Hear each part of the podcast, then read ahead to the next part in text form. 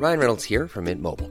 With the price of just about everything going up during inflation, we thought we'd bring our prices down. So to help us, we brought in a reverse auctioneer, which is apparently a thing.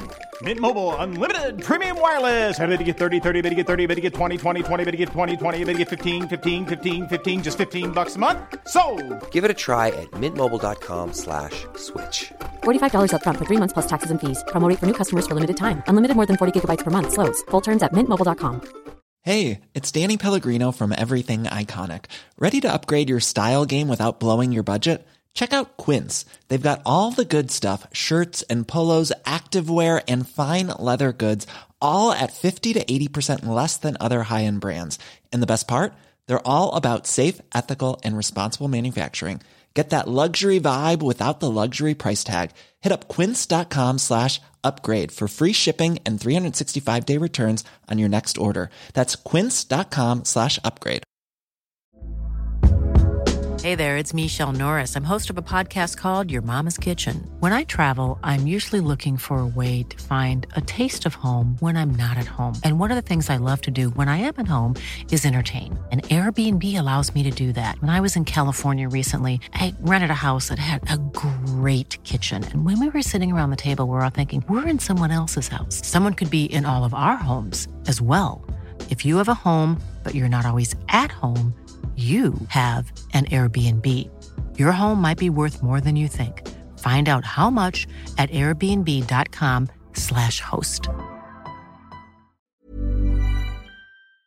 Han cyklar Sköldmark till Örebro. Ja, han, gör, han, Eh. han cykelpendlar ju till Örebro ju. Jag vet inte om det är han sant. Alltså det jag tror det måste vara, det kan fan inte vara sant. Ja, du tror att det är en... eh, Han, han har tre, tre jobb på Gais och eh, cykelpendlar Örebro och Ryktet säger ju det va? Men du, du, du menar att detta är fejk? Nej men jag tror säkert att han har säkert cyklat från Örebro Jaha till okej, Gaisgård någon gång och så har det blivit snackat.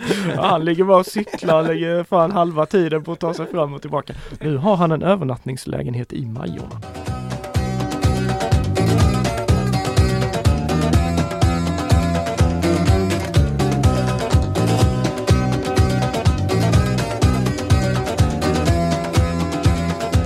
Hej och välkomna till GPs fotbollspodd som fortfarande saknar ett namn men där vi fokuserar på Göteborgsfotbollen i allmänhet och Göteborgsfotbollen i synnerhet. Blåvitt, Häcken, ÖIS, Utsikten och Gais, damer och herrar, pojkar och flickor. Men framförallt vi plockar upp de mest intressanta diskussionsämnena och händelserna från fotbollens värld varje vecka. Vi som gör det är jag, Robert Laul, Linus Pettersson och Filip Troler. Och i dagens podd ska vi prata om att ÖIS fortsätter att visa musklerna. Om Blåvitts och Häckens ekonomi. Det är ju boksluts och årsmötestider. Om motionerna som har kommit, en del motioner som har kommit till de här årsmötena och givetvis hur går det för lagen i Svenska Kuppen just nu inför den sista gruppspelsomgången. Vi ska också konstatera att den här podden klättrar på listorna. Eh, vi rusade tydligen på någon Spotify-lista här enligt Magneten, vår chef då. Och det är ju imponerande, särskilt med tanke på att vi inte ens har ett namn. Men Filip, vi måste ju säga något om det stora sveket också. Hur har du eh, reagerat på veckans nyhet? Det måste vi definitivt säga. Jag var tveksam till att medverka i podden efter, efter det här. Men Du funderar på eh, en bojkott på grund av att det- Linus Pettersson eh, går till konkurrent alltså? så, så var det. Eh, så, men han fick betala mig lite för att, jag skulle, att vi skulle medverka så att eh, allting verkar fridfullt och, och fint. Men vi har väl tänkt att vi ska beta av så han får mindre och mindre, färre och färre minuter för varje poddavsnitt som går och sen till slut så bara raderar vi ut honom Så han fullständigt. var borta och Ja. ute ur historien. Jo men det är, ju en, Precis. det är ju en sak liksom och som jag gjorde då bytte från, från Aftonbladet till GP som ju ägs av, av samma koncern egentligen. Alltså vi, både på Aftonbladet och på GP så handlar det om att göra, göra norska aktieägare i Schibsted eh, rikare i, i någon mening liksom. Eh, men nu Linus, nu går du över till, till liksom till, till the dark side på riktigt alltså. till, till, liksom till fucking Bonnier. Ja, högförräderi. ja, det, det blev ju visst så. Ja, jag vet inte vad Fan, du är tagen av detta Ja, jag är tagen av detta angrepp. Förra gången var, klankades, eller an, angreps jag ju med, med anledning av att jag tydligen hade fått Pontus Farnerud sparkad från IFK Göteborg och så nu detta. Så jag vet eh, det är kanske jag som ska traska ut från podden som någon form av markering istället. Jag vet inte. Dessutom att du liksom då flyttar till Stockholm av alla Ja. liksom tänkbara avkrokar i dessa tider. Det är ju halvvägs till Ukraina eh, liksom. Hur tänker man då? Nej men jag tänker väl så här att det, det kan ju omöjligt vara bättre än Göteborg. De- Den inställningen går jag ju ändå in med att eh, Göteborg kommer ju alltid vara nummer ett. Men man måste ju testa också någon gång. Eh, jag har aldrig bott i Stockholm på det här sättet så att det ska bli kul att testa. Det, det är väl så jag resonerar. Ja, eh, det är klart vi fattar det och eh, skämt åsido då. Jag hoppas att det blir fantastiskt och önskar dig lycka till och så räknar vi med att du då är tillbaka när du har tröttnat på att arbeta med de här Stockholmsklubbarna för det kan jag ärligt säga att de står en upp i halsen. Ja, vad, vad gav du mig i tre år eller något igår? Sen är du sa. tillbaka. Ja, sen är jag tillbaka. Så då kan vi väl återuppta podden tänker jag. Eh, Ja. 20, vad blir det då? 2025 någonting? Sitter vi här igen? Då får vi långt. köra ensamma så länge då från och med maj här Filip när Linus är borta. Ja, det låter så. Eh, nej men vi ska lämna det det och konstatera att det har ju som vanligt varit en, en händelserik eh, vecka här i, i vår del av världen. Eh, I den stora världen så eh, smäller dessvärre riktiga bomber just nu. I superettan har ÖIS då bjudit på en riktig smällkaramell får vi väl säga. I form av Niklas Bärkroth som de har eh, värvat. Och jag skulle säga eh, Filip att, att det, här är ju, det här känns som årets värvning 2022 i Göteborg. Oh, ja det är stora ord, men om man ser till var eh, de olika klubbarna befinner sig och hur stor den värvningen då är för ÖIS eh, så eh, Ja, skulle nästan vara benägen att hålla med dig. Det är klart att Alamari till Blåvitt är väl en bra värvning också, men nej fasen här Niklas Bärkroth till ÖIS en kille som fortfarande ändå är i sin eh, hyfsade eh, bästa ålder får man säga, 30 år. Eh, det är en eh, pangvärvning alltså, verkligen. Vad vet vi om detaljerna? Ah, alltså ÖIS är ju väldigt, de har ju blivit väldigt eh, skarpa där på att hålla tätt och det läcker inte ut mycket eh, grejer från ÖISgården men, men det vi vet är väl att de har eh, förhandlat en tid och att Bärkrot Bärkroth var som jag förstod det sugen på att komma hem till Göteborg. Han känner till Dan Ivarsson sedan tidigare, haft ett bra snack med honom, träffade honom i Stockholm. Um, han kliver in, blir naturligtvis en av de eh, bäst betalda i ÖIS men vad jag har förstått så är det ändå inga fantasisummor så utan ÖIS har inte sprängt någon budget eller någonting för det här utan det är en värvning som, eh, som går in i kalkylen så att säga. Ehm, Tar han över Ailtons lön då eller? Han är ju borta här nu. Han kan, verkar ju ha suttit på ett jävla kontrakt eventuellt eller? Ja, det, det kanske, det faktiskt kanske blir så. Ja, men det är klart att Ailton hade väl ett ganska lukrativt avtal, förstår, jag- har man förstått som. Ehm, men det är väl ett par andra som man också kan tänka sig tjänar, tjänar en del, stålar sådär, men ja, någonstans kanske det går jämnt ut med, med Ailtons eh, avtal där. Jag vet inte. Linus, du har ju som jag eh, följt allsvenskan här då. Där har vi ju sett Niklas Bärkroth eh, eh, en del i, i, i Djurgården. Framförallt såg jag han rätt mycket då eftersom jag följde Stockholmsfotbollen eh, förra säsongen. Han gjorde ju 15 matcher från start för Djurgården. 28 då med inhopp och så här. Fyra mål, fyra assist. Och då får vi tänka på alltså, Djurgården var ju riktigt bra i, i, i, i fjol. Alltså ett tag så kändes det som att de skulle vinna allsvenskan. De körde över Malmö på, på, på plasten på Tele2 där eh, ganska ordentligt. Och Bärkroth spelade ju ändå en, en, en relevant roll i eh, flera av matcherna. Alltså tar jag i för mycket om jag säger att han kommer bli superettans bästa spelare. Oj. ja, det gör du kanske. Nej, det får väl återstå att se. Men jag är faktiskt väldigt förvånad att ingen allsvensk klubb högg honom. Ehm, för så bra var han ju i fjol tyckte jag att han skulle fortfarande hålla på minst den nivån. Kanske till och med ge sig iväg på ett sista utlandsäventyr. Han är ju bara 30 år gammal så han har ju fortfarande väldigt, mm, alltså ett gäng bra år Mm. kvar liksom. Det är inte spelare som kommer till ÖIS för att riktigt värva ner än liksom utan han, nu ska han med 2 plus 1 va och han kan ju Mm. vara riktigt bra under de här åren. Så jag är faktiskt förvånad att ingen allsvensk klubb var där och, och liksom högg och att han inte lockades av det kanske. Varför tror du Blåvitt och Häcken avvaktar då? Eller var han själv Nej men? Blåvitt känns väl inte som att han riktigt har den höga nivån kanske att konkurrera ut de spelarna som är där liksom. Han- det är klart att han absolut hade kunnat bli en truppspelare där om han hade varit sugen på det och de hade varit sugna. Jag vet faktiskt inte ens om de har varit där och, och norpat. Men jag Men- tänker att hans fart borde ändå varit intressant för Blåvitt liksom. Han är ju, fort, han är ju snabb liksom. Ja, ja absolut. Men eh, ja, jag Samtidigt kan ändå förstå kanske Ja. att han inte riktigt passar in och liksom det finns inte riktigt kanske den platsen för honom i truppen. Ehm, så ja, det är jag nog inte så förvånad över. Men typ Kalmar, Sirius, någon typ av sån klubb var Mm. nog det jag förväntade mig att skulle hamna i. Ehm, så det är extremt imponerande tycker jag av ÖIS eh, att de lyckas landa. Sen finns det ju såklart, det finns ju kopplingar till Göteborg. Hans pappa Ro- Robert har Liren, spelat i ÖIS och han kanske vill komma hem till stan och, och allt det där liksom. Så att det finns ju en logik i det också. Men min första reaktion var förvåning.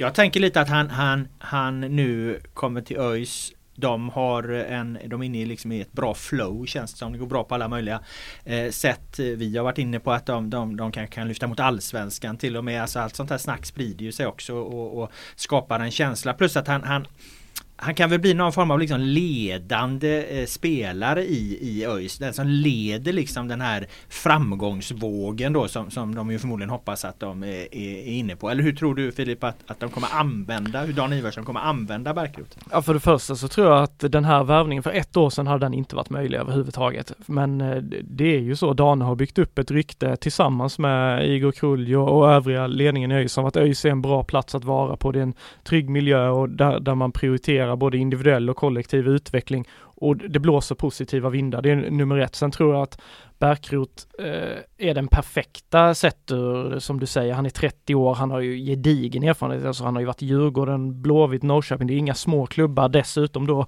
olika utlandsäventyr. De har sökt lite efter det där när Ailton, Fredrik Andersson, Hannes Salin, Många rutinerade pjäser försvann, det var en väldigt ung trupp. Eh, det var egentligen bara Anel Rashkai, Anton Lantz typ som har haft lite, alltså verkligen ordentligt med erfarenhet och också ålder. Eh, så jag tror absolut att han har möjlighet att bli en, en ledare och en spelare som de yngre killarna med Olle Johansson och de här som eh, de verkligen kan se upp till, inte bara det han gör på plan utan också eh, vid sidan av. Sen blir det jävligt intressant att se hur de kommer använda honom för ÖIS har ju en brutal offensiv eh, uppsättning nu alltså. Jag, jag håller det faktiskt som superettans bästa.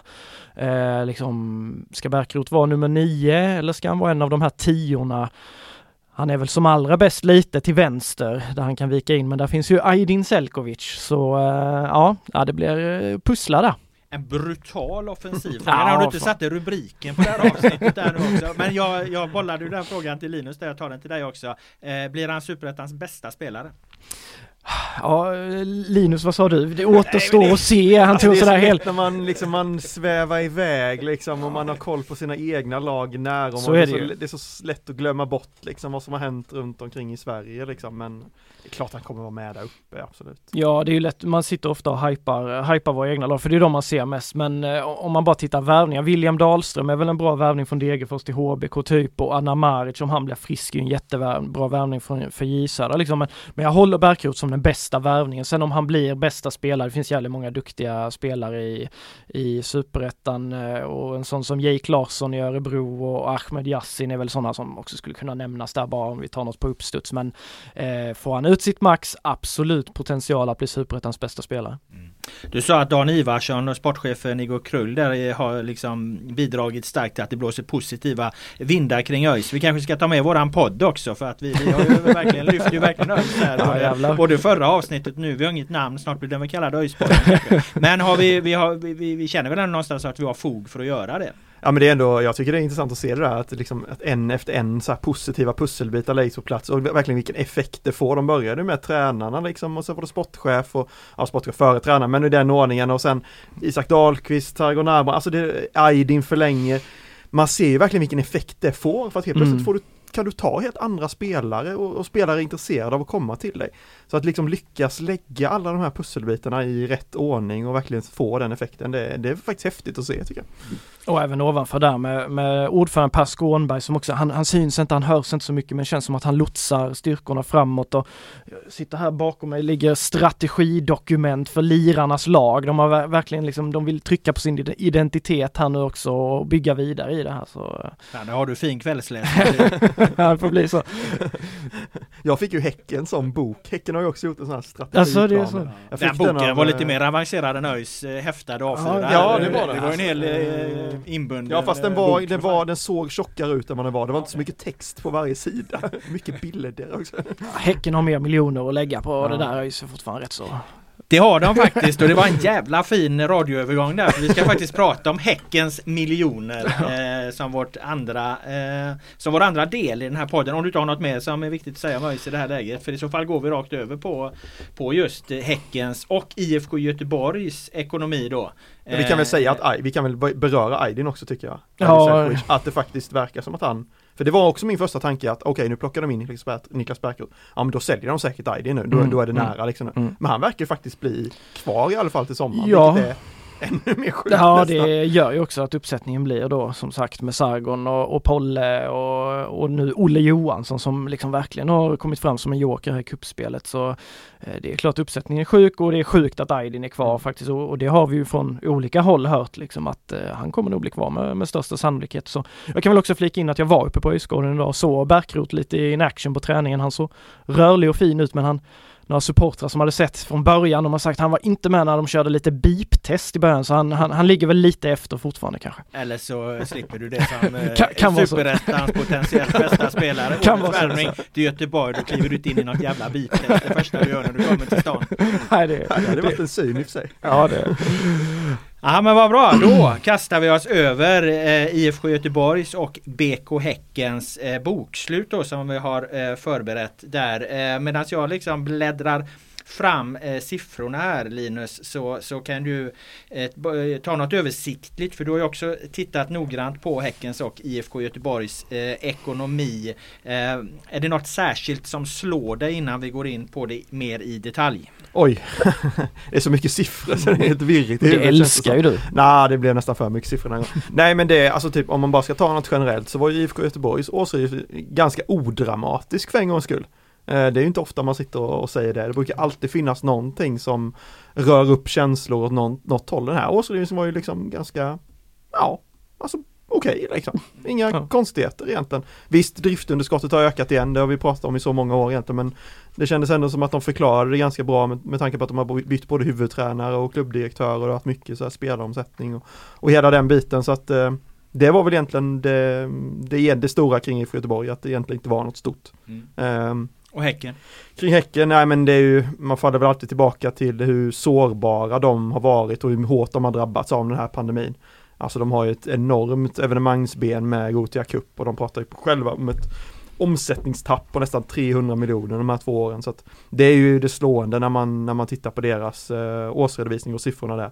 Och hur, alltså hur beroende de ändå är av eh, sina egna turneringar. Eh, för att de har ju Ja, men de har ju inte alls lika mycket publik, inte alls lika mycket merchförsäljning och allt det där andra som, som IFK Göteborg till exempel har. Och de är ju extremt beroende av Gothia Cup. Och det blir ju ty- nästan ännu mer tydligt de här åren när de inte kan anordna turneringen. Eh, precis så är det. Eh, jag ska försöka gå igenom det här på ett eh, eh pedagogiskt sätt. Eh, flika gärna in frågor, eh, ni två här alltså. ska vi ställa dig mot väggen här för, för, för, för, lyssnarna är det ju svårt, de, de får ju köpa det här vare sig de vill eller inte. Men ifall det blir något som blir otydligt. Den första delen jag tänkte titta på när jag jämför då BK Häcken och IFK Göteborg det är, det är eh, själva storleken på de här klubbarnas ekonomi. Eh, och när man tittar på storleken på ekonomi då eh, så kan man börja med omsättningen. Där har BK Häcken ligger på en omsättning på 116 miljoner kronor. IFK Göteborg ligger på 145 miljoner kronor. Så till synes är ju då IFK Göteborg en, en, en, har en större ekonomi men då var det ju precis det du sa Linus. Här finns ju liksom inte här finns ju inte Gotia Cup. Eh, visst, eh, Häcken har fått 40 miljoner nästan i statliga och kommunala bidrag för att och, och balansera upp det här. Men alltså den här omsättningen hade varit mycket, mycket, mycket, mycket högre. Den hade varit uppåt 200 miljoner skulle jag säga om Gotia Cup hade varit eh, eh igång. Så att ehm, eh, föreningarnas eh, storlek, eh, storleken på föreningarnas ekonomi eh, är Häcken egentligen större än IFK Göteborg men då utgör ju då Gotia Cup en stor del. Bryter man ner det här då och tittar på vad klubbarna kan satsa på det som är kärnverksamheten, det vill säga att vinna allsvenska fotbollsmatcher. Då landar man på personalkostnaderna. för det är ju liksom mått måttet på hur, hur, hur, liksom, hur mycket man kan satsa på det som är det viktigaste. För att den största delen i personalkostnader är spelarlöner. Eh, och där, eh, där ligger Häcken på 81,5 miljoner kronor mot IFK Göteborgs 75 miljoner kronor. Så de satsar ungefär lika mycket pengar eh, på sin kärnverksamhet, det vill säga att vinna, vinna fotbollsmatcher. Eh, ställt mot årets sportsliga resultat där Häcken då kom 12 och satsade 80 miljoner drygt på, på, på sina spelare så är det en grovt eh, underprestation. Alltså de har ju underpresterat grovt. Det, det behöver man ju egentligen inte titta på siffrorna för att förstå men, men det blir ju ännu tydligare. Du satsar alltså 80 miljoner kronor.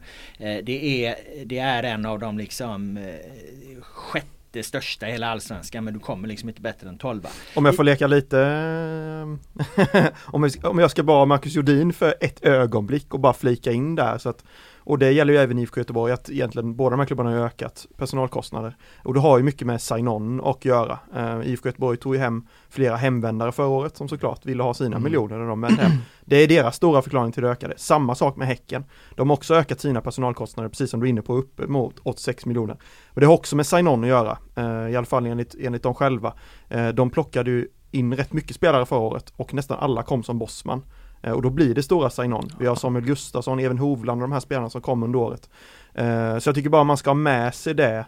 Eh, jag håller med dig om att det är, ett stort misslyckande, absolut, med tanke på att de satsar så mycket pengar. Men man ska också ha med sig att de ehm, plockar in ganska mycket gratisspelare förut året och då blir det den ökningen eh, eftersom Signon ligger där under och inte under spelaren. Nej precis så är det. Eh, IFK Göteborg där, där som sagt där hade, du, hade vi då 75 miljoner så den är lite lägre men det är ändå i samma eh, eh härad då. Och IFK Göteborg de är ju också indragna i bottenstriden under, under förra året. Slutar till slut då 8 8.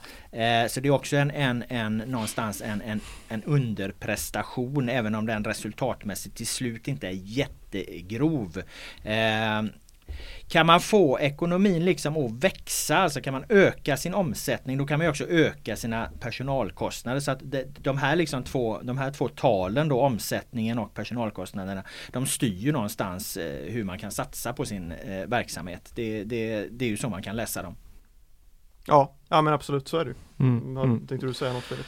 Nej, jag bara reflekterar över, du, du har ju bra koll på ekonomi. Skulle man säga att Häcken då, förhållande till den ekonomi de har, är det största misslyckandet i Allsvenskan i, i, i fjol då? Skulle man ju ja, kunna tror, säga om man tolkar. Ja, jag tror att skulle du liksom slå ut det här liksom, ja. att, du, att du satsar 80, 80 då, 5 eh, miljoner nästan på en, på en, en, en, sin verksamhet och inte får ut mer än en tolfte plats. Det är Nej. klart att det är det absolut största eh, eh, Eh, samtidigt så ska man nog inte se det som en indikation på att, på att deras verksamhet är på väg åt helvete på något sätt. Utan det var fjolåret som var ett, tror jag historien kommer visa, ett enskilt misslyckande.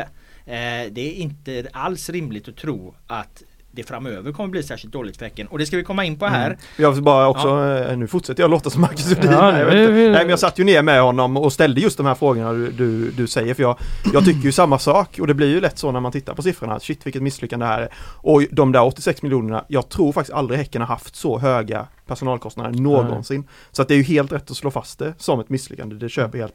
Men man ska ju också ha med sig tycker jag för att lite få den andra sidan att de har ju faktiskt valt att till exempel inte knappt göra sig av med någon personal alls. Trots att liksom Gothia Cup och de här evenemangen mm. inte har kunnat genomföras. Eh, hade, hade det varit ett företag eh, på ett annat sätt som hade visat samma resultat så kanske de hade sparkat alla liksom. Ja men vi kommer inte ha Gothia Cup, ja, men då behöver vi inte er som personal. Häcken har ju valt en lite annan väg att liksom behålla nästan hela organisationen för att, som de själva säger, kunna gå starka ur pandemin.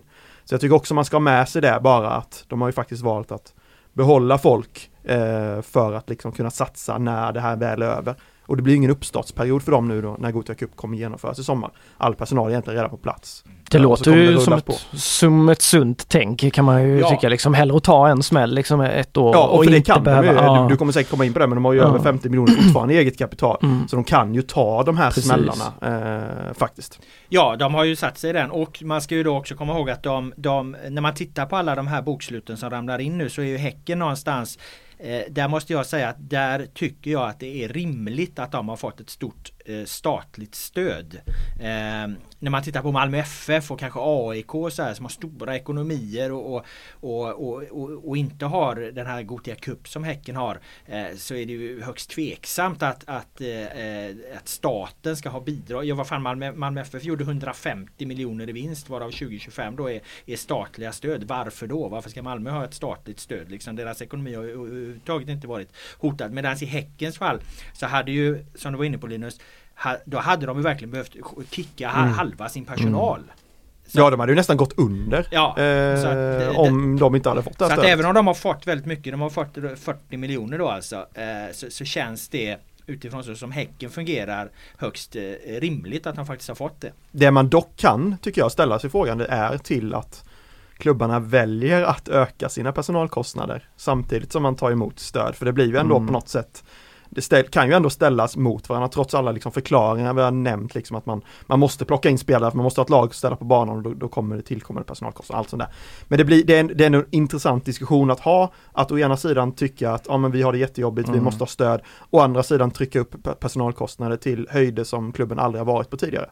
Ehm, det finns en diskussion att ta. Ser illa ut också. Ja, alltså, det gör det. Vi liksom en snabb anblick bara att vad fan är det? Ja exakt. Och det är illa skulle jag säga eh, utifrån hur man argumenterade från början. Man har ju argumenterat som att de här verksamheterna var på väg att gå under. Mm. Eh, vilket ju facit i hand visar att så var det aldrig eftersom Nej. elitverksamheter, jag menar tv-avtalen har fortsatt ramla in. De har fortsatt kunna sälja sina spelare och, och så. Så därför har det blivit en skevhet kan jag tycka i, i hur de här stöden utformades. Även om de är rättvisa och alla har sökt för samma sak så det är klart att, att eh, här, här, har det snarare blivit till att cementera elitfotbollens eh, position och i vissa fall eh, stärka elitfotbollens position i idrotts-Sverige och det tror jag inte var Det var liksom inte meningen med de här stöden från början. De skulle rädda verksamheter. Ja. Så att det, det, där är ja. vi rörande överens. Jag håller med. Sen, det, sen såklart som vi varit inne på, det finns förklaringar till att siffror ser ut som det gör och, och det är klart att spel, när man som Häcken då som sålde fem, sex spelare förra året, då är det klart att då måste man plocka in och gör man det så tillkommer det sign-on och så vidare och så vidare och så ökar personalkostnaden. Men precis som du är inne på Filip, vid, vid en första anblick så ser det inte mm. bra ut.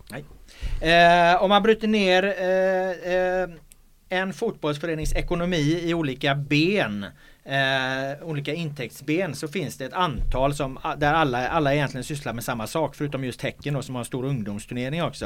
Eh, men vi ska jämföra de här benen som, som är gemensamma för alla, alla föreningar eh, och då i form av Häcken och IFK Göteborg här. Och då är ju publikintäkterna eller matchintäkterna som man kallar det eh, i ett ben. Vi har sponsring som är det andra benet. Vi har de centrala ligaavtalen som är tv och spelpengar. Det är ett ben. Eh, och sen har vi då transfer då, alltså Alltså, spelarförsäljningar som är det fjärde eh, stora benet. Det är de fyra benen man traditionellt brukar tala om. Eh, sen har ju merchandise eh, börjat smyga upp på vissa håll då som är en, en eh, viktig intäktskälla också. Det kommer vi se framförallt på IFK Göteborg då men, men på samma sätt är det med andra storklubbar i Sverige då. Eh, däremot inte Häcken. Eh, tittar vi på publikintäkter så hade Häcken under eh, 2021 de hade en och en halv miljon i, i eh, matchintäkter i publik mot IFK Göteborg som hade 19,7 miljoner, 20 miljoner. Så att det är en oerhörd skillnad vad IFK Göteborg tar in på, på att arrangera sina fotbollsmatcher. Och då får man tänka på att den här är väldigt låg för här har de ju som sagt då på grund av pandemin förlorat en hel del. Den, den, den, den är ju rimligen 10 miljoner högre under ett, ett eh, normalt år. Eh, något som slår er speciellt där när ni, när ni hör de siffrorna? Nej, inte egentligen. Alltså alla vet väl eh, vilka stora skillnader det finns eh, på supportersidan i, i, eh, i, mellan IFK Göteborg och Häcken men en och en halv miljon det, det låter ju otroligt lågt alltså. Ja, det, är det, det, det, är inte mycket alltså alltså. Men, och, eh, ett normalt år skulle jag säga att de kanske har 4 miljoner ja, på den liksom, ja. Eh, som intäkter. Häcken har ju där en, en, en enorm potential egentligen att växa som klubb. Men det är också något de har försökt med otroligt länge utan att egentligen dra några större åskådarmassor till, till hissingen. Nej det känns som de ökar lite lite varje år eh, men det, det känns som det är extremt svårt ja. att bygga upp det där. Alltså det känns som det tar flera generationer innan man bygger den kulturen och den historiken liksom. Eh, jag vet, det känns som oavsett hur man jobbar och hur hårt man jobbar så så, så är det bara tid man Ja. behöver egentligen för att komma dit. Så har de ändå hållit på sedan 30-talet. Ja, jo det är ju... Men det finns ju några, eh, några riktiga gamla eh, bak, innan där. Ja. ÖIS och Gais och Blåvitt har ju varit med otroligt, eller ja, framförallt ÖIS och Gais då. Originalen, eh, originalderbyt Ja. där ju, nej men eh, det är ju under väldigt lång tid och i den här stan känns det som att i och med att Häcken inte heller har varit jättemycket på på allsvensk nivå, alltså förrän i ganska modern tid eh, och såklart också tidigare men inte varit etablerade på samma sätt som de är numera. Eh, så är det klart att eh, det sitter djupt rotat liksom ÖISA, Gaisa och Blåvitt och det är någonstans där, det är ju de personerna man tävlar ju mot konkurrenterna om det så, så jag är inne på samma linje som dig Linus, vi, om 40 år kanske om, om Häcken fortsätter så kanske det är 6-7 tusen i snitt istället. Om man kollar på sponsring då, eh, där har eh, Häcken och Blåvitt varit ganska jämna senaste åren. Men nu är det en viss skillnad. Nu har Häcken 20 miljoner i sponsorintäkter och IFK Göteborg har knappt 30 då, 29,2. Eh, så att IFK Göteborg är ju tydligt större där. Det tror jag är kopplat till eh, Gotia faktiskt. Om vi ska försöka förklara den siffran. Häcken låg ju faktiskt på 30 miljoner 2019 då, ja, innan pandemin. Eh, och då var de faktiskt större än IFK Göteborg. De har ju faktiskt, om man tittar tillbaka, eh, jag gjorde någon sån text tror jag för några år sedan och jämförde. Och då är ju faktiskt Häcken, de har ju faktiskt varit före IFK Göteborg. De har faktiskt passerat IFK Göteborg på sponsring. eh, Om man blickar liksom fem eh, år tillbaka. Eh, att de har tappat 10 miljoner nu eh, har jag förstått som har just med Gotia att göra och evenemangsbenet liksom. Det är, den, det är, den, det är där tappet finns. Jag tycker fortfarande de siffrorna, även om det är 20 och att de har tappat, att, att Häcken liksom är är likvärdiga Mm. med IFK Göteborg som man ofta har läst i de här varumärkesundersökningarna att det ska vara Sveriges främsta varumärke och sådär. Det är ju ett fett underbetyg Mm. till Blåvitt, eh, Blåvitts arbete på den sidan. Ja, så är det ju och det visar ju också jämförelsen om du sen då vidare jämför IFK Göteborg med, med Malmö, AIK, Hammarby och så vidare så är ju IFK Göteborg klart akterseglade på eh, sponsorområdet då. Eh, och det gör de egentligen ingen hemlighet av heller att de är inte nöjda med den här siffran. Även om den här siffran i sig då 29 miljoner nu är 5 miljoner högre än i, i fjol så är de ju fortfarande inte nöjda. De inser ju att den här måste ju liksom den, den måste ju upp med, med 5 miljoner redan i år i princip och, och 10 miljoner över tid och, och kanske 15 miljoner framöver liksom. Nu har man väl lagt ut det också tror jag på, på en extern aktör. Eh, ISP. ISP. Eh, vilket väl, det har väl du säkert koll på Robban, Djurgården gjorde för, eh, nu vet jag inte, men ett x antal år sedan. Eh, och de fick ganska bra effekt på det tror jag. Eh, samtidigt så förstod jag det som att de började då på en ganska låg nivå. Så eh, ja, de tror väl på den modellen IFK nu uppenbarligen då eftersom de har gjort det. Men om jag, vad jag har hört så är det ju såklart det är bättre att ha det liksom in-house och göra det själva på något sätt. Eh, Så de, och de jag har pratat med så känns väl inte det utifrån sett som det bästa alternativet. Men man kanske behöver göra så i en uppstartsperiod. Om man inser att ja, men det här ser inte så jättebra ut för oss. Okej, vi lägger ut det på någon annan. Vi kanske låter dem bygga upp det och sen kan vi ta tillbaka det på Mm. något sätt. Jag, jag vet inte vad IFKs plan ser ut men det, det är också något att ha med i, i det hela. Det är absolut en, en, en, en relevant diskussion. Eh, tittar man på de centrala ligaavtalen då, eh, tv och spel. Eh, det, det är ju alltså tv-avtalen och spelavtalen som fördelas enligt en viss nyckel till alla föreningar. Då har ju Häcken får, fick i 2021, de fick 23 miljoner av den totala potten. IFK Göteborg eh, fick 21,3 miljoner. Det här är ju beräknat på de fem senaste årens tabellplacering. Eh, och här ser man ju då att, att Häcken har ju då varit mer framgångsrika än IFK Göteborg sportsligt, kommit högre i tabellen de fem senaste åren. Därför är deras siffra 23 miljoner och då högre än 21 miljoner. Eh, de bästa här då Malmö, de som, som ligger i toppen hela tiden, AIK, de ligger på 30-35 miljoner här. Så här blir det alltså till slut ganska stora skillnader. Jag menar 10 miljoner är ganska mycket i den här världen liksom om du inte har bra tabellplaceringar. Och, och tar du IFK Göteborg då som, som ju har liksom varit i mitten och neråt de senaste fem åren. Ja till slut så börjar det äta på pengarna också. Då får du bara 20 miljoner av de centrala avtalen. 10 Ja. miljoner det, är- det är Mm. en ganska bra värvning liksom om du, om du hade haft, varit högre upp. Ja och du, det är ju liksom inte, det drabbar ju inte bara dig ett år utan du har ju med dig det här Alltså IFKs dåliga tabellplacering kommer ju förfölja dem. De kommer ju sig försvinna en efter en vad det lider men de kommer ändå förfölja dem under en ganska lång period. Så det är faktiskt ganska kostsamt, precis som du är inne på, att ha de här dåliga åren, även Ja. på lång sikt. Och glappen känns som de blir, de blir större och större hela tiden. Alltså vi går mer mot den internationella, internationella fotbollen där de stora blir större och hänger du inte med på det tåget så går det ganska snabbt att och halka efter. Det är bara att ta en, en, ett sidospår där med guys liksom åker ur superettan, torskar 10 miljoner i centrala, Mm. centrala avtal och i ettan får de 100 000 liksom. Eh, Det, det äter ju, alltså det förstör ju en klubb egentligen. Ja och vi har ju länge talat om i svensk fotboll, fotboll om de här Big Eight, alltså de åtta stora liksom. Alltså de klubbarna som omsätter över 100 miljoner kronor. Men frågan är om det blir, börjar bli liksom snart dags att prata om Big Four egentligen, Malmö FF och Stockholmsklubbarna. Om de fortsätter liksom att dra ifrån ekonomiskt, att det blir liksom ett glapp även till eh, fyra lag. Vi är absolut inte där ännu för det är fortfarande så pass små skillnader mell- mellan, mellan dem. Men det, det, det rör sig åt det hållet. Särskilt Malmö då, de är ju redan Mm. långt framför. Men att, att Malmö då får med sig Stockholmslagen. Så att det kan bli roliga tider för dig då framöver som ska flytta till Stockholm och bevaka lagen där om det blir liksom Stockholm mot Malmö och de har resten liksom skvalpar runt. Ja, det lite kanske jag som har dragit instarten Ja, här. vi sitter här med mitten, mittenkampen. Ja, ja precis. Ja, vi får väl sätta vår tilltro till Häcken som, som, ju ändå har ganska positiva siffror. Eh, vi ska ta ett eh, sista benet här då, fjärde benet som ju spelar eh, försäljningar, alltså vinst på spelarsälj. Eh, där är eh, IFK Göteborg 2021 klart bättre än, än, eller de har en högre siffra. 39 miljoner sålde, eh, sparkade sportchefen eh, Pontus Farnerud för, eller han gjorde eh, 39 miljoner kronor i vinst på spelarförsäljningar mot Häckens då 15,3 miljoner. Men där ska man ju komma ihåg Linus, vadå? Jo att eh, Patrik Wålemark inte ingår inte i den här summan. Nej, ett par färska 40 miljoner kommer trilla in på Häckens eh, bankkonto vad det lider. Ja. Plus att de, eh, det måste man ändå hylla dem för, de har ju i det här, vi var inne på de här strategiplanerna innan, i den där boken jag fick av Jodin som Häcken har satt ihop så har de ett tydligt mål att att sälja fler spelare och de har gjort ett ganska stort arbete med att föryngra truppen och göra dem mycket mer säljbara. Eh, och förutom Wålemark så har vi ju Benitra Traoré till exempel som Ja, eh, det redan nu liksom finns klubbar som jag tror skulle kunna lägga 20-25 miljoner miljoner kronor. Eh, samma sak med Amane Romeo som egentligen bara efter ett träningsläge där nere har också liksom klubbar som har ja, kollat på honom liksom. Eh, vi har ju sett den typen av övergångar från Hammarby till exempel, hur fort det kan gå. Du behöver knappt spela en match eh, innan du kan säljas eh, om, om klubbar där ute ser talangen.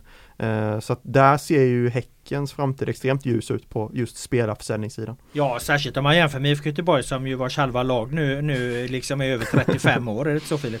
Jo, nästintill i alla fall. Vi, det, det är ju fortsatt, eh, även om jag, man, man blir lite trött på det där ålderdomshemsnacket i, i fjol liksom. Jag förstår ju Blåvitt att, eh, att de tog hem de här gubbarna liksom. Det hade blivit ett jävla liv om de inte hade gjort det.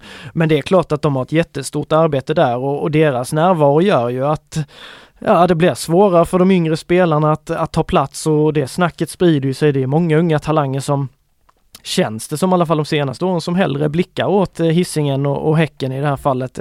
Sen är det klart att det finns, finns ett par diamanter i Blåvitts trupp också. Ni har ju skrivit om Hussein Kanel där exempelvis. Så det är klart, men det, Och det är tuffa. Och Wilhelmsson naturligtvis. Så det, där, är ju, där finns ju unga killar på gång där också. Men det, åldersstrukturen är, det är väl bara att fejsa det att det är ett problem för IFK Göteborg här och nu tycker jag. Ja, den är ju ett problem ifall den inte ger sportsliga Precis, resultat. precis, liksom. precis. Eh, eh, tar man sig in i en, i en eh, guldstrid och jagar Malmö FF och fixar en Europaplats. Ja. Då är det ju en helt annan sak. Men det är ju liksom kombinationen av en mittenplacering och en icke säljbar trupp. Det är ju det Mm. som blir bekymret eh, eh, skulle jag säga. Mm, och jag håller med. Och jag tror, det är ju lättare sagt än gjort, men jag tror att om man tittar på IFK Göteborgs försäljningssiffra så är den väldigt bra. Men det är också väldigt, väldigt många spelare.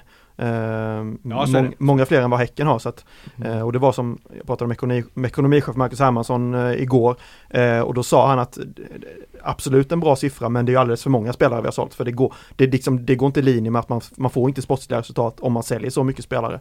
Så både Häcken och IFK Göteborg måste försöka hitta någon form av väg, precis som med Vålemark nu, att man gör färre men större försäljningar. Och det är ju lättare sagt än gjort men, men det är ju så borde, man måste göra för att liksom ha sin Mm. trupp intakt och kunna nå sportsliga framgångar.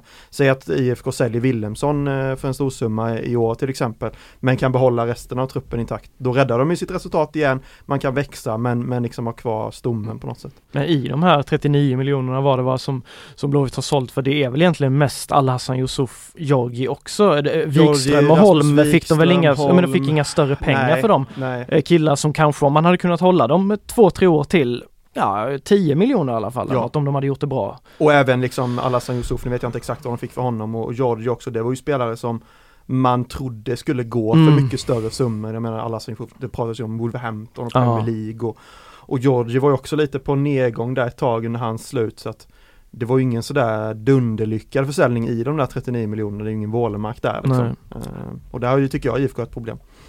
Eh, sen har vi då det här fjärde och ett halvt eller femte benet då det som börjar bli mer och mer relevant i de största klubbarna. Då är ju eh, eh merchandise då eh, shopparna eller supportershopparna alltså de köper tröjor och grejer. Eh, någon siffra för Häckens merch hittar jag överhuvudtaget inte så att det, det finns inte att jämföra med där. Eh, Blåvitt hade 11 miljoner vilket är bra. Det, det är en rejäl eh, siffra att sälja merch för. Sen är det klart det finns ju kostnader att köpa in allting så det är ingen, det är ingen ren vinst på de här 11 miljonerna men det är ändå en stor siffra som, som förmodligen gör en viss skillnad i alla fall. Ja, och de har ju ökat eh, ganska stadigt på den posten de senaste åren. Mm. Eh, jag tror att de hade typ runt 7 kanske 2018, 2019 någonstans där. Så det har ändå liksom ökat stadigt. Sen ska man ju säga att ökningen från i fjol var väl runt en miljon och det var ju Hamsik. Så det är Eh, bara Hamsik. Ja men jag tror Hermansson sa det att liksom vi sålde nog merch på Mark Hamsik för runt en miljon och det var ungefär det de ökade med. Eh, Sen såklart att det ingår ju i helheten men det är ju Ja. ändå liksom Det säger ju ändå något om den effekten han Ja, ja, skapar. men lik förbannat är det ganska bra siffra så, jä- även Ja. jämfört med de större klubbarna där. Ehm, Man ska också ha i beaktning att det här var en säsong där det inte var publik på alla matcher. Det känns som att det är mycket sälj i samband med matchsituationer så absolut om det är en mille där som är Hamsik som är i ökning så kanske de ändå har gjort ett gott jobb eftersom det inte har varit lika många matcher med publik. Vi ska snart stänga ekonomigenomgången här. Vi ska bara ta upp den sista punkten där då. Det är, det är liksom den mer hur mår de just nu eh, eh, utblicken som man kan göra då utifrån de här siffrorna. Och där kan man ju väga in då resultaten. Man kan kolla på vad finns i kassan och hur ser det egna kapitalet ut. Eh, det ger någonstans en, en sammantaget en lite mer ögonblicksbild då och eh, som givetvis behöver förklaras. Så där gick ju Häcken 6 miljoner back medan IFK Göteborg gick 12 miljoner plus. Men Häcken har fortfarande en kassa på knappt 50 miljoner, 47,8 tror jag det är exakt i, i, i kassan, alltså i tillgångar i pengar som de kan, kan kila och, och, och handla korv med bröd för nu på direkten om de känner för det liksom. Mums. Eh, Medan IFK Göteborg då har 21 miljoner i kassa. Förvisso en ökning för IFK där de har haft en väldigt väldigt svag kassa senaste åren. Nu har den tickat upp till över 20 miljoner vilket är bra för IFK men den är alltså då någonstans ändå hälften av Häckens. Och sen har du det egna kapitalet då som i, i Häckens fall är på 55,1 miljoner och eh, och eh, eh, Blåvitt har 35 eh, om jag har alla siffror exakt rätt här. Så att där, där liksom Häcken har ju liksom en, en stabil, trots att Häcken gör ett minusresultat just i år som förklaras av att mycket av att det inte finns något Gothia Cup. Eh, så, så är ju Häckens ekonomi ett stabilare och två eh, har en större framtidspotential är väl någonstans slutsatsen. Eh, ja, absolut. Eh, och om inget oförutsett händer så kommer ju Gothia Cup genomföras och då kommer de ju gå tillbaka till de höjderna de hade innan pandemin. Och då kommer de ju bara bli ännu starkare. Och så ska Wålemark-pengarna in där och kanske någon ytterligare försäljning i år. Så ser ju deras ekonomi riktigt stark ut. För IFK Göteborgs del så t- hör ju ekonomi, ekonomin ihop med det vi har pratat så många gånger med kontinuiteten. Det håller ju inte att byta klubbdirektör och, och tränare varje år. Eh, för det syns ju, du kan ju inte gå med dubbla löner i personalkostnader liksom. Du, du ser ju, det drabbar ju dem varje år.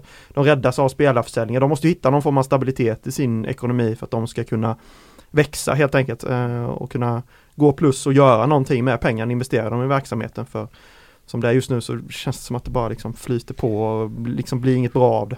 Nej, Jag har lite svårt, för jag intervjuade ju Håkan Mild där nu, jag hade en intervju här i dagarna i tidningen och där jag tyckte att han för första gången var ganska realistisk kring, kring det här. Jag tycker ofta att IFK Göteborg, de har verkar ha ett behov liksom att överdriva sina eh, hur bra de kan bli sportsligt och hur mycket pengar de har. Så där tycker jag ändå att han någonstans var ganska realistisk. Han erkände att, att man ligger en bra bit efter de andra stora klubbarna eh, ekonomiskt och han, det var ju liksom inte heller så att han pekade ut någon slags riktning att det går liksom att lösa saker väldigt snabbt. Jag tror helt enkelt att IFK Göteborg får acceptera att, att det, den här situationen de är, den är ganska svår att förändra. Mm. Jag tror att det kommer ta, ta, ta, ta tid och det är nödvändigtvis är det inte säkert att det går med tanke på hur konkurrensen eh, ser ut kring det. Det är mycket enklare att se vad Häcken kan växa på. Det är enklare att se vad, vad Stockholmsklubbarna, Malmö befinner sig och så här, än att säga ja men gör så här Blåvitt och sen är allt löst. Jag tror man helt enkelt får acceptera att, att så här kommer det nog se ut ett tag. Mer sånt och mindre vi ska ikapp Malmö FF snart. Ja men alltså det blir ju bara dumt ja, liksom. Ja. Det, det, blir ju så larvigt så att... Eh, ja men jag läste också, bara lite snabbt i, för, i förvaltningsberättelsen, Rickard Berkling ordförande hade ju liksom, ordföranden har ju alltid någon så här litet, ja. litet uppslag där de får bre ut sig liksom och det är ju precis som du säger men det är ju mycket liksom positivt och nu har vi en bra ekonomi att stå på och vi mår bra och vi har kommit hem till Kamratgården och allt är liksom positivt. Jag tror också precis som du säger att det är bättre att liksom Säg som det är. Säg som det är, ja precis. Visst, det, det är ju inte katastrof IFK på något sätt liksom, men, men, Nej, de, är, är stabilt, ju, men... de är ju med tanke på vad de vill vara så är de ju väldigt långt därifrån. Mm. Eh, vi ska lämna ekonomin eh, och eh, kolla på en annan del som är aktuell så här i de här tiderna. Det är ju motionerna. Det inkommer en rad motioner till de olika klubbarna i samband med årsmötena och vi ska börja med en som har kommit till BK Häcken som är rolig. Den handlar om hemvist. Eh, motionären skriver att till skillnad från alla andra allsvenska klubbar finns det inget i våra stadgar som berör vare sig bollklubbens geografiska hemvist eller färger. Eh, och eh, motionären då han föreslår att, eh, att man ändrar i stadgarna så att det blir tydligt att Föreningen då BK Häcken har sin hemvist på hissingen och härifrån utgår och bedrivs föreningens kärnverksamhet. Föreningens representationslags ordinarie matchtröja är gulsvartrandig. Vilken jävla pondus Robban har när han läser detta ordförande-feeling på detta liksom. Pamp-feeling Ja, riktig pamp alltså. Ja, nej men det är väl en, en det är väl liksom identitet handlar ja. ja men det är lite konstigt att det inte finns med. Ja det tycker jag, jag också. För jag gick in lite snabbt och kollade på IFK Göteborg och där fin- de har ju med det liksom att vår hemvist ska vara Göteborg kommun, Göteborgs kommun och vi ska spela i blått och vitt och allt det där liksom. Rätt konstigt att det inte finns. I ja för, för Häcken är ju grundat, att kolla upp, de är ju grundade på hissingen. Så att ja. de, de, det, det, så sätt är det ju helt riktigt. Det är ju där mm. de, de hör hemma och, och, och, och håller till. Och Kanske så, smids någon ondskefull plan på GPA. In i centrum ska vi. Ja, nej, nej, nej, men det, det är väl eh, det är väl ett sätt att kunna säkra sig mot eh, framtida dårar som skulle kunna mm. komma in och liksom ha någon vision om att Häcken ska vara något annat än vad de är. Liksom. Det, ja, dessutom tror jag det hänger ihop med den här Djurgårdsmatchen som ja. ju ledningen ville flytta där under lite oklara omständigheter i, i eh, mot Djurgården var det ju då ja, den här guldmatchen mm. där liksom att, att den skulle spelas på Ullevi helt plötsligt. Det, det är ju ändå lite märkligt eh, kan man tycka. För de hade ju ändå saker sportsliga att spela för. Och då ska det ju, kan jag tycka i alla fall och tror jag den här motionären också anser krävas lite mer för att man ska flytta en match och inte gå med på det. Mm. Ja, instämmer. Eh, IFK Göteborg har vi motioner. Eh, en motion om att eh, eh premiärträningen 2023 eh, ska läggas på en helgdag så att man kan skapa liksom en, en, en happening här då. Motionären skriver Jag vill att IFK Göteborgs årsmöte beslutar att IFK Göteborg schemalägger årets första träning kommande år med start 2023 på en helgdag. vi tar fram ja, det är, du sköter det utmärkt ja, Robban. Alltså att, eh, men där har det också varit en, en diskussion då att, att Ja det är bara liksom Det sker med en axelryckning när Göteborgs säsong drar igång. Ja. För där är väl ÖIS och Gais och de andra De är väl bättre på det här va? Uh, Eller, verkligen. Ja men ÖIS också. Jag var ju på båda deras premiärträningar och, och det var ju verkligen folkfest. ÖIS drog ju dit eh, damlaget också. Körde gemensamt med herrlaget. Det var mycket familjer och supportrar och bra stämning. Alltså riktigt trevlig. Jag benämnde det i någon så här fem punkter som liksom det är verkligen en höjdpunkt på säsongen. Och vad Blåvitt gör där liksom. De pissar bort det på på någon förmiddag klockan 11 eh, någon, någon vardag eller måndag. sådär. Ja, en måndag liksom. Eller när det var. Eh, så, Regnig måndag. ja, nej, men för, nej men för att bygga, bygga gemenskapen i klubben, visa att nu börjar säsongen, liksom ta avstamp och kunna få alla att känna nu är vi igång igen och den gemenskapen, det tror jag inte man ska alltså underskatta just känslorna, att få folk att vilja komma igång komma igång också och bry sig, engagera sig och bli taggade på säsongen. Liksom. Ja dit du ska flytta Linus, jag menar i Solna till exempel, det smäller ju fler raketer där liksom när AIK drar igång sin träning på Skytteholm än vad det gör på en vanlig nyårsafton. Liksom. Eh, där, är det, där har de sedan länge ett jävla fokus. På ja och vi såg i Malmö hade ju också det, ja. de körde väl också både herr och damlag tillsammans liksom. Och jag, Jag håller med allt det du säger Filip, jag förstår inte hur man kan missa en sån här möjlighet liksom. Särskilt då IFK Göteborg som har ett damlag som är ganska ändå relativt okänt och på väg upp och som de ändå börjar liksom promota mer och mer. Att man missar en sån här möjlighet att göra det till en happening, jag, jag förstår inte det. Sen en annan grej som jag har tröttnat på kring de här första träningarna och alla såna här grejer, det är ju att liksom, varför gör man inte en rolig träning av det? Ja. Jag tycker ofta man åker ut när, på de här träningarna, men då ser det exakt likadant ut och det ska tränas skuggspel och positionsspel och det ska liksom vara så man kör lite avslut, kör lite, alltså, bjud publiken på någonting mm. liksom. För att få dem att vilja komma tillbaka. Vem vill gå dit? Det tycker till och med vi att det är tråkigt att sitta på en träning när det, ja men det ska tränas positionsspel eller fasta situationer eller liksom det här matchförberedande. Ja, nej det blir ju rätt så segt. Gör det till liksom. en happening och bjud, bjud folk på underhållning. Det tycker jag man är lite dålig på överlag. Men vet ni vad? Styrelsen i IFK Göteborg avslog ju den här motionen då. Eh, eh, men det är inte så illa som det låter. De anser bara att, att det här är liksom ingen, ingen, ingen fråga för dem eller för årsmötet egentligen. Däremot så eh, poängterar de då att den är vidareskickad till något som kallas för ledningsgruppen då. Och med start 2023 ska föreningen i samtal med representanter för supportermiljön skapa förutsättningar för en samling runt första träningen. Så att vi kan nog räkna liksom med att, att det här kommer bli eh, ordning på torpet så att säga eh, framöver även om det då inte är en årsmötesfråga nödvändigtvis. Eh, det är däremot eh, kanske då en annan motion som har inkommit i IFK Göteborg om att ha fler kvinnor i styrelsen. Det har ju varit en fråga i Blåvitt under en längre tid och nu slutade ju två eh, kvinnor Eh, inför det här eh, årsmötet. Det var ju två, två, två eh, styrelseledamöter kvinnliga som hoppade av där. Eh, eh, vilket gör att det bara var en kvinna kvar i IFKs styrelse, en, en av nio. Eh, men nu har det tillkommit i, i sista stund då ytterligare en så nu är de två av nio är, är, är kvinnor då. Men motionen handlar om att eh, styrelsen, föreningen ska verka för att styrelsen ska bestå av minst 40% kvinnliga ledamöter. Eh, är då motionärens eh, Eh, åsikt här. Vad tänker ni om det? Ah, jag tycker väl att eh, så, såklart är det viktigt att få in olika perspektiv och, och jämställdhet och så.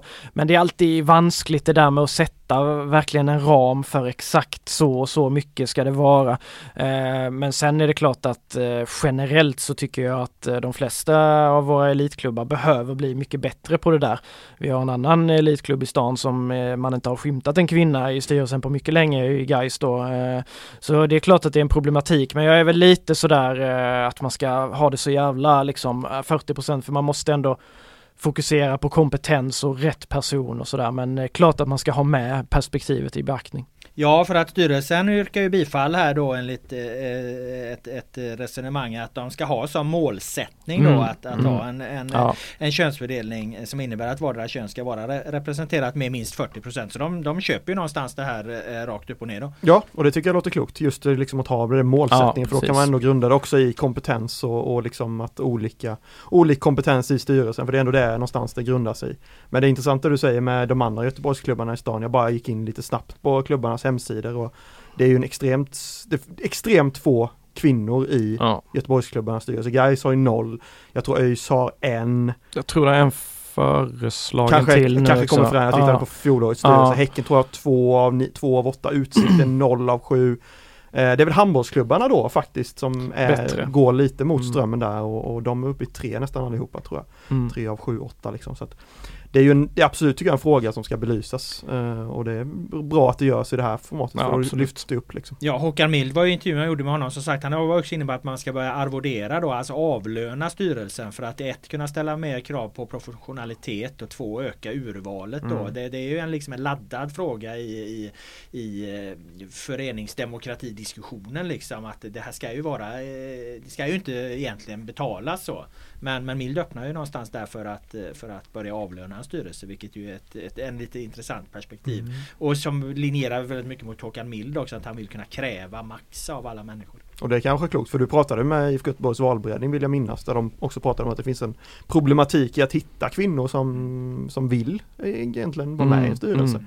Uh, och det, det, där ligger väl också mycket, det, man kan ju inte bara plocka in kvinnor bara för att man måste hitta dem också. Ja. Uh, och ja, de måste nej, vilja. precis Liksom. som du var inne på Filip att, att det måste ju det, det ska ju tillföra liksom. Det är Ja. ytterst det det handlar om liksom. Sen är det klart det finns liksom men ett kan man locka dem och två kan man Mm. hitta dem liksom och då, då kanske man behöver gå andra vägar för det. Ja precis, jag vet inte om jag missuppfattar motionen där att det skulle vara krav på det men är det en målsättning så håller jag absolut, absolut med om det men som sagt det måste finnas en, en kompetens och det ska finnas vettiga människor, vettiga kvinnor som vill in i styrelsen och så.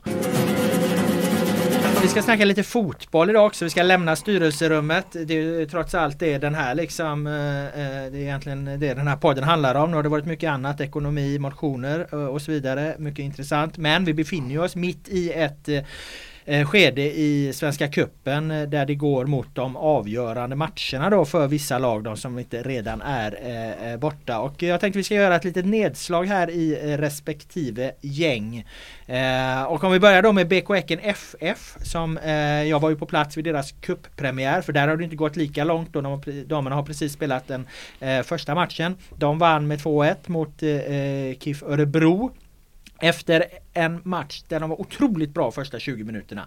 Eh, det var verkligen att de, de liksom klev in och, och satte ner foten och, och re, som regerande mästare och visade att, att eh, eh vi, vi är ett par klasser bättre. Eh, tog ledningen med 1-0, 2-0 efter 20 minuter.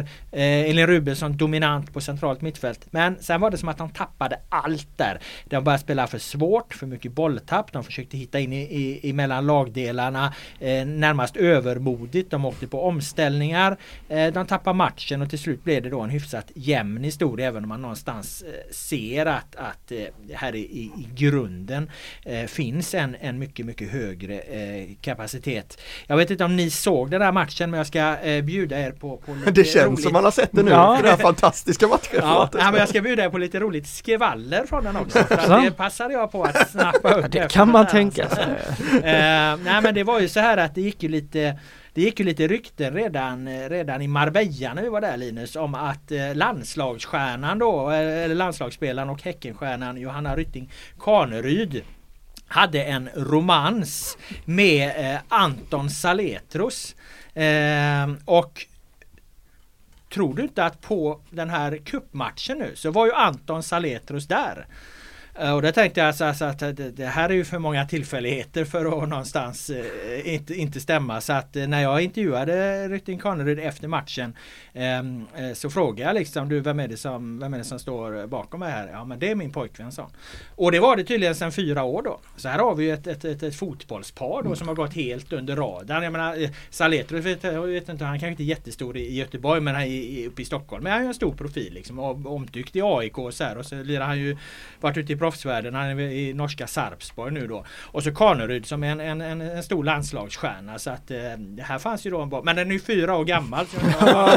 Fan har ni inte spräckt det här? Ah, Nej, det, är vi är för dåliga på kärleksskvaller. Lauls kärleksskvaller kanske vi ska ha som en stående Oh. punkt framöver i podden. Ja, Du- ja, det, det, ja det, det, det, det är inte så dumt för att Ja, nu kommer mer. nästa, nästa grej här. Eh, vi har ju ett, ett, ett, eh, de har gjort ett fint nyförvärv i Häcken, Andrini Hegerberg. Jag har pratat mycket om henne som de har plockat in, Ada Hegerbergs eh, eh, syster. Hon är ju ihop med liksom eh, mannen som nu då går under namnet Skavlan Junior i Göteborg. Alltså en norsk tv-profil liksom som har en, en, en karriär som pekar spikrakt uppåt i, i nöjessvängen där då. Vad har du Eh, för källor på det här? Är det du själv? Nej för fan, du, nu minns jag inte vad han heter men det är bara att googla Skavlan Junior. Alltså, Ja det är så, riktigt- det är riktigt- etablerat riktigt- liksom. Nej, det är inte att han kallas för det. Nej. Det är vi som kallar honom för det. Men, men alltså att vad han nu heter. Han är stor i Norge Ja, okej, TV, okej. Eh, TV-världen där liksom. Han var på plats på Ja. Bravida också då.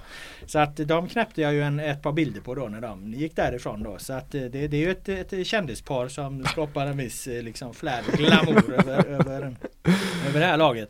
Eh, När var det en- GP-sporten blev Hänt Extra. Sen var det en tredje grej också att det var förbunds... det var ja det, det är ingen kärlek då. Nej. Det var förbundskapten Peter Gerhard som var ju där och, och, och Ja, han är väl gift och har barn så att jag får väl hoppas att du inte rotar Ja, där har det. jag inte rotat så mycket så att de uppgifterna får stå för dig. Jag kan inte, jag kan inte bekräfta eller dementera dem. Eh, nej men han var ju där och tittade på, på eh, som har uttryckt det, ja, dels de landslagsspelarna som finns i, i Häcken och de var ju fyra stycken. Men sen hade han ett privat eh, möte med, med Filippa Kurmark efteråt. Och, för hon var inte med i senaste truppen. Nej. Men så att jag tror han var där och tittade mycket på Han sa ingenting om det men sen så dröjde jag mig kvar lite i arenan och då, då, då kom de ner från någon, någon våning där och då hade de haft liksom ett framtidsmöte. Antagligen snackat om vad, vad liksom hur ser han på henne nu när hon inte kom med i truppen så. Så att det, det var ju en liten en, eh, en sidonyhet där också. Men det jag skulle säga om Peter Gerhardsson det var att han, vet ni vad han är? Han är förmodligen världens eh, sista människa som fortfarande använder fickalmanacka. För att jag vi planerar att intervjua honom.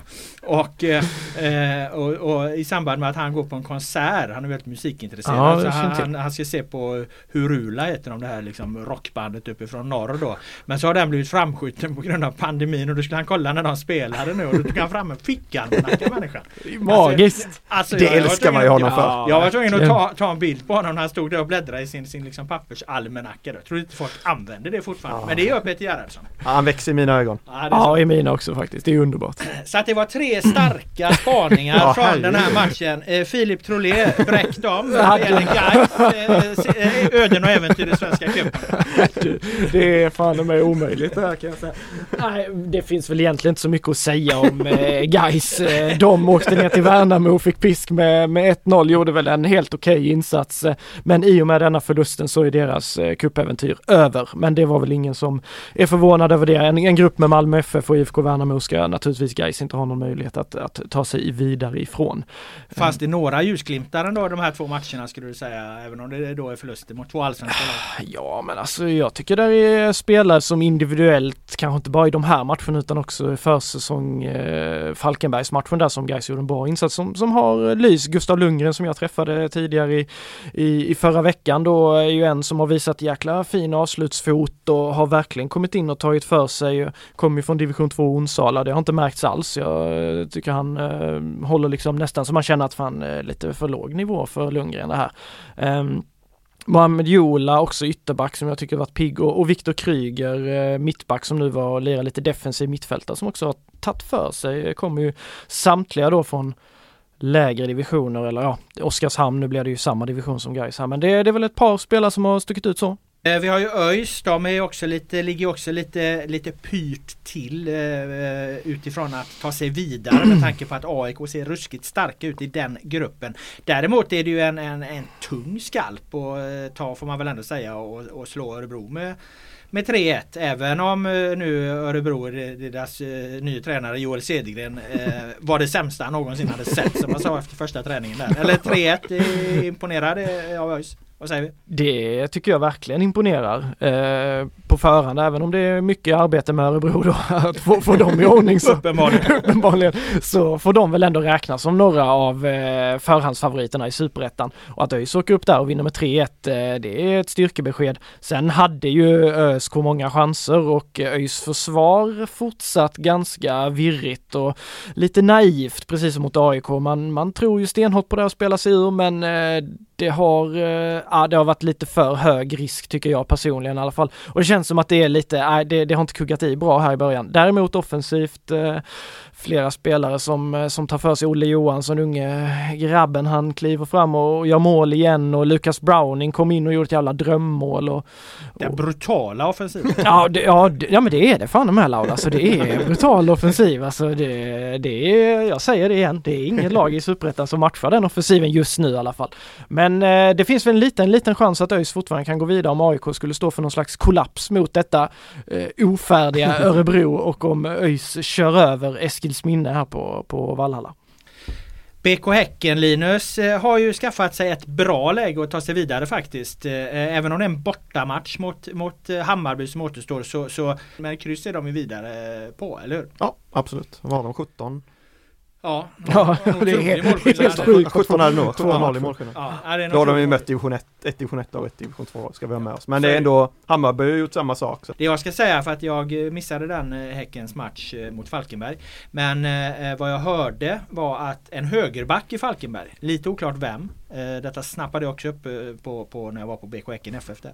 En högerback i, i Falkenberg hade efter matchen sagt eh, vilket lag ska kunna slå Häcken i Allsvenskan i år.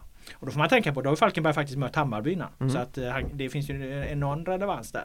Ja. Eh, nu var det en Häckenledare som berättade här så att det, det kanske var lite sockrad den här då, det, den, här, den här överhörningen då eller vad, vad han handlar om eller vad, vad känner du? Ja men nej men som vi var inne på förra veckan också, de ser ju extremt bra ut liksom. Mm. Ehm, Som det- du har varit inne på hela tiden här. Jag lyssnar ju på podden i i Marbella. Det var ju överöste beröm eh, över detta Häcken. Ja. Är det, Vad ska guld, man göra? är det guldfavoriten Nej, för det- dig i år igen? Den, jag den, inte den. trilla i, den har jag trillat i alldeles Häcken de är väl alltid försäsongsmästare? Ja men, det, ja men det är ju så här, det var faktiskt en kompis som skrev det till mig. Var, varför ser Häcken alltid så bra ut på försäsongen och aldrig så bra ut i Allsvenskan?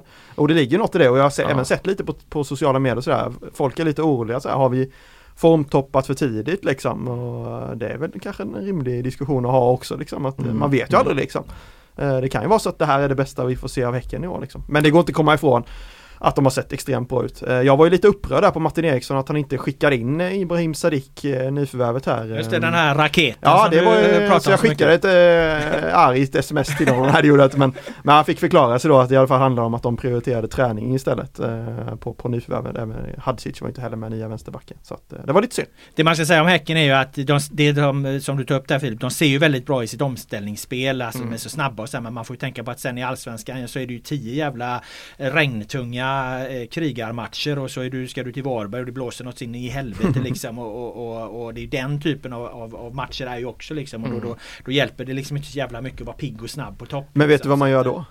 Vad gör man då? Då flyttar man upp Johan Hammar på topp. Så är det, han gjorde ju ett drömmål Ja, Hammar. Jag trodde han var på Gotland och höll liksom flanken men han är ju tydligen eh, han, är, han, han skickade dem upp och gjorde det drömmålet Ja, där. Leo Bengtsson sa ju i vår podd där nere i Marbella att om Johan Hammar bara får starta på topp så vinner han ju skytteligan. Det här var ju det ypperliga beviset på att Leo Bengtsson vet ju vad han pratar om. Vilken kanon! Och då tänkte vi ändå att vi skulle skicka upp Hammar i slutet av matcherna när, när man jagar en kvittering eller ett segermål Mm. liksom. Nu, nu, nu, nu Han gör ju det på egen hand nu Ja. liksom. Jag älskar också Falsetas liksom så här glädje slash förvåning i firandet efteråt. Han ser ut som att han såg ut som att han aldrig hade sett något liknande tidigare och det kan man ju förstå. Eh, IFK Göteborg spelade ju 1-1 mot eh, Norrby och eh, ledde med 1-0 väldigt länge. Åkte på den här kvitteringen eh, mot slutet och tappade därmed, de hade varit klara för, för kvartsfinal annars. Eh, och även då haft en väldigt bra chans på, på, på och få hemmaplan. har de vunnit den sista, sista matchen där. Nu tack vare det här sena, sena Norrby-kvitteringen så blev ju läget eh, lite besvärligare Eh, eh, för dem. Men så är det ju om man bara leder med 1-0 mot slutet av matcherna. Det spelar ju egentligen ingen roll vilket lag man möter. Det, det är alltid vanskligt att leda med ett mål, är det inte så Filip? Ja men visst är det så och nu eh, så såg jag faktiskt inte Blåvitts match i helgen men man har ju kunnat läsa sig till att det var ingen sprudlande historia direkt. Och det är klart att nu så är det, är det söndag här och det är en jäkla tuff match Mjällby även om det kanske har hänt lite saker där sen i fjol och de har väl inte liksom varit suveräna här på försäsongen heller men nu är det lite press på Blåvitt här en, en, en missad kvartsfinal. Det är såklart, då blir det jobbigt direkt liksom börjar det här negativa så Nej, tufft läge. Eh, det som är IFK Göteborgs liksom och jag tror kommer bli deras stora USP i år eller deras alltså stora då, då fördel någonstans det är att de kommer ha ett bra försvarsspel. De ser, även om de släpper in det här målet så ser de väldigt stabila ut. Eh, de, de har liksom en bra defensiv över hela planen. Det tycker jag ändå, det tycker jag ändå märks och det tror jag de kommer ha i Allsvenskan eh, också. Men, men eh, det händer inte jättemycket framåt. Det, känns lite som att, att Blåvitt kommer lite se ut som den klassiska AIK-lagen eh, eh, gjort när de, de var framgångsrika ibland. Att de, de vinner liksom sina matcher med 1-0 någonstans. Jag tror att det, det är åt det hållet eh, snarare eh, eh årets IFK Göteborg går. Ett försvarsstarkt lag som liksom får lita till Marcus Bergs geni någonstans där framme. Ja och lite till fasta situationer och, Ja, precis, och den typen av anfall, ja absolut. Nej men jag tyckte jag såg, hade ett öga på den och ett öga på Häcken och det såg väl ut ungefär som det har gjort för IFK Göteborg tidigare under försäsongen också. Eh, lite så här försvarsstabilt men lite trögt framåt liksom och lite så här, ja man vet fortfarande inte riktigt hur de ska anfalla och, och skapa chanser tycker jag. Eh, och det var ju även du, du var ju där Robban och, så, och Norrbys tränare där, Mark Lind var ju även inne på det efter matchen. Han riktade också en ganska stor känga får man ändå säga till Micke Stare och hans taktik. Ja alltså han har det inte lätt nu Stare. Först var det den generalsågningen av Pocka Lagemyr där. Som jag i och för sig frågade honom om och han eh, viftade bort eh, Stare efteråt.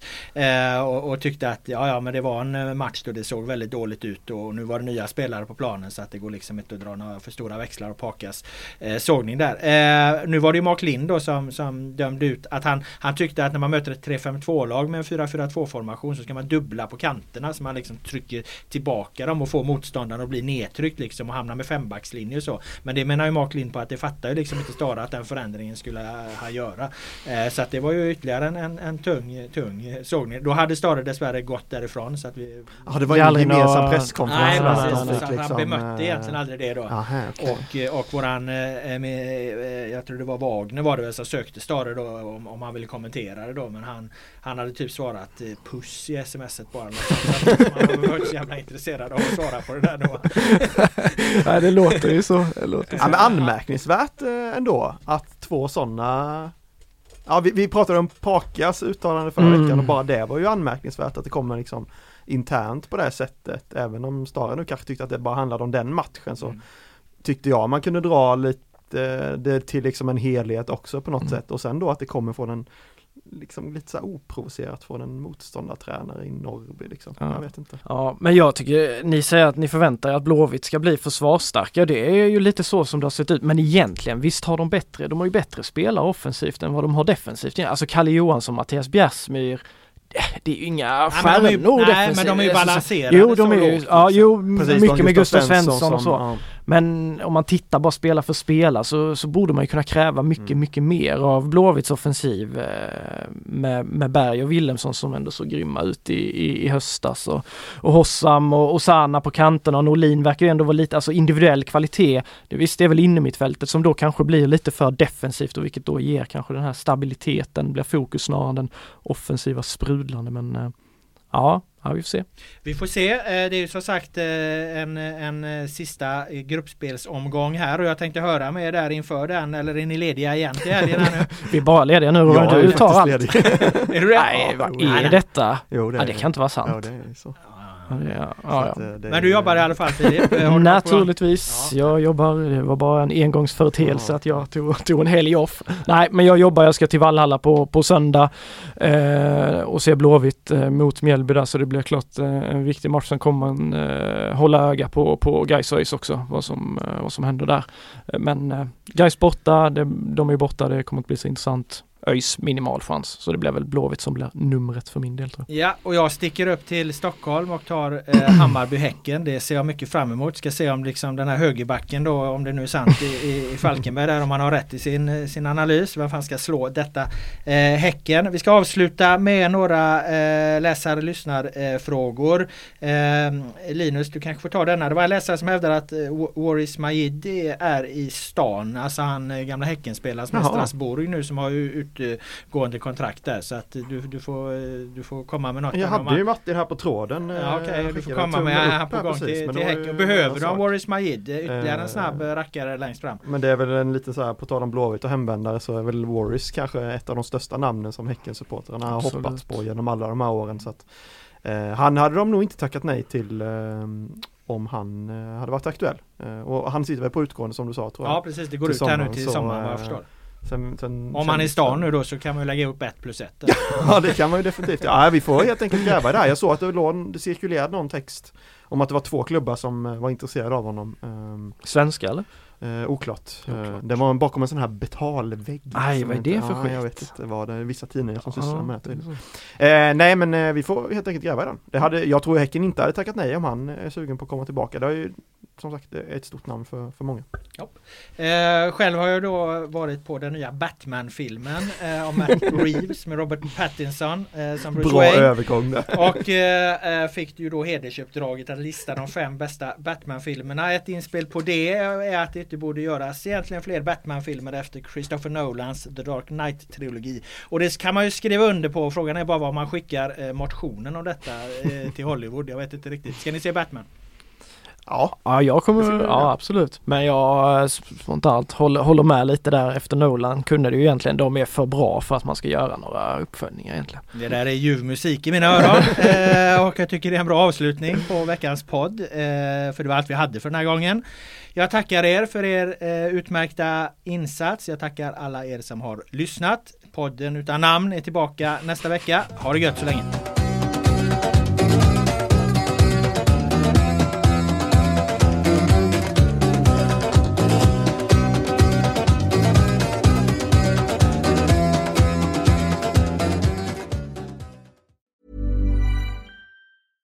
Hey, it's Paige DeSorbo from Giggly Squad. High quality fashion without the price tag. Say hello to Quince.